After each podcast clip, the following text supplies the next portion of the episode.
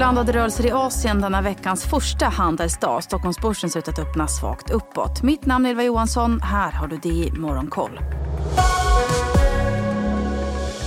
Ja, Tokyobörsen stiger en halv procent idag och passerar för första gången nivån 40 000 lyft av tech och AI-relaterade bolag. Samtidigt så backar fordonstillverkaren Toyota som uppges vara på väg att meddela miljardinvesteringar i Brasilien 1 procent. Även Nissan som är i långt gångna förhandlingar om att förvärva den krisande amerikanska elbilstillverkaren Fisker är ner 1 procent. Det är annars försiktiga rörelser på de kinesiska börserna i väntan på att den nationella folkkongressen ska dra igång imorgon. Shanghai-börsen stiger svagt, Shenzhen och Hongkongbörsen backar backar däremot svagt. Utöver att presentera nya mål för bland annat Kinas BNP som väntas precis som i fjol landa på runt 5% hoppas marknaden på nya stimulanser, något som får hälsorelaterade bolag att lyfta idag. I motsatt riktning går däremot elbilssektorn där flera bolag faller tungt av oro för nya priskrig på marknaden efter att BID presenterat en ny billigare version av sin bästsäljande modell. Li Auto är ner över 10 Nio och Xpeng backar 5% vardera. Vi kan väl också nämna oljepriset som handlas i princip oförändrat runt årshögsta nivåer efter att OPEC Plus meddelat att de kommer fortsätta med sina produktionsneddragningar under det andra kvartalet. Brentoljan kostar knappt 84 dollar fatet. Och börserna på Wall Street lyfte till nya all time highs i fredags. Teknitua Nasdaq slog rekordnivån från 2021. Även breda S&P 100 nådde nytt intradagsrekord. Båda lyfte runt 1% Techsektorn gick starkt och fortsatte rida på AI-vågen efter att Dell släppt en starkare rapport än väntat och höjt sina prognoser för sina AI-optimerade servrar. Aktien rusade runt 30 och samtidigt så lyfte halvledarjätten Nvidia ytterligare 4% och stängde för första gången på ett börsvärde över 2 000 miljarder dollar. Efter börsstängning så bekräftade också flygplanstillverkaren Boeing att man får samtal om att förvärva Spirit Aerosystems som rusade i fredags.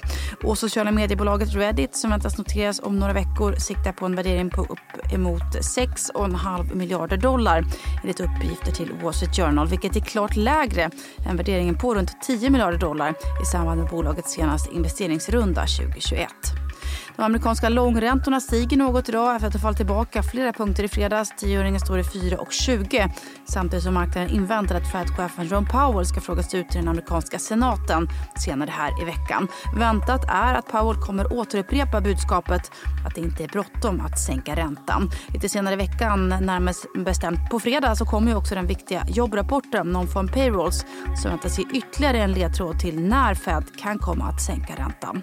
Vi fortsätter såklart också hålla ögonen på amerikansk politik. Trump har ju tagit hem i princip samtliga primärval hittills bortsett från Washington som Nikki Haley vann i helgen. Nu väntar den så kallade supertisdagen, Super Tuesday, som väntas avgöra Nikki Haleys framtid. Och så till Sverige och nyheten att Carina Åkerström lämnar posten som ordförande i Alecta med omedelbar verkan efter bara drygt en vecka på posten efter DIs avslöjande om att hon sitter på dubbla stolar eftersom att Handelsbanken med största sannolikhet har flera krediter till Heimstaden.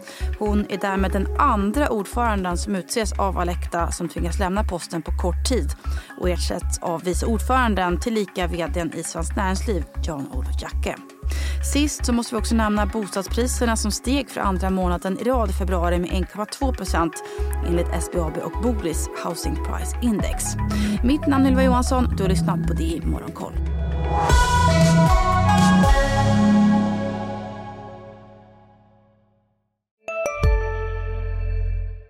Där det finns ett samhälle, där finns det brott. Krimrummet är podden som tar brottsligheten på allvar. Jag bjuder in landets ledande experter och tar upp aktuella rättegångsfall för att begripliggöra den kriminalitet som kryper allt närmare. Du, alltså, du kan knäcka ett eller några gäng, men det kommer komma nya och så kan vi knäcka dem sen. Men att du ska knäcka allt forever, det kommer aldrig ske. Det är infinite gain. Lyssna på Krimrummet, en podd från Expressen med mig Kim Malmgren. Hej, Ulf Kristersson här. På många sätt är det en mörk tid vi lever i. Men nu tar vi ett stort steg för att göra Sverige till en tryggare och säkrare plats. Sverige är nu medlem i Nato. En för alla, alla för en.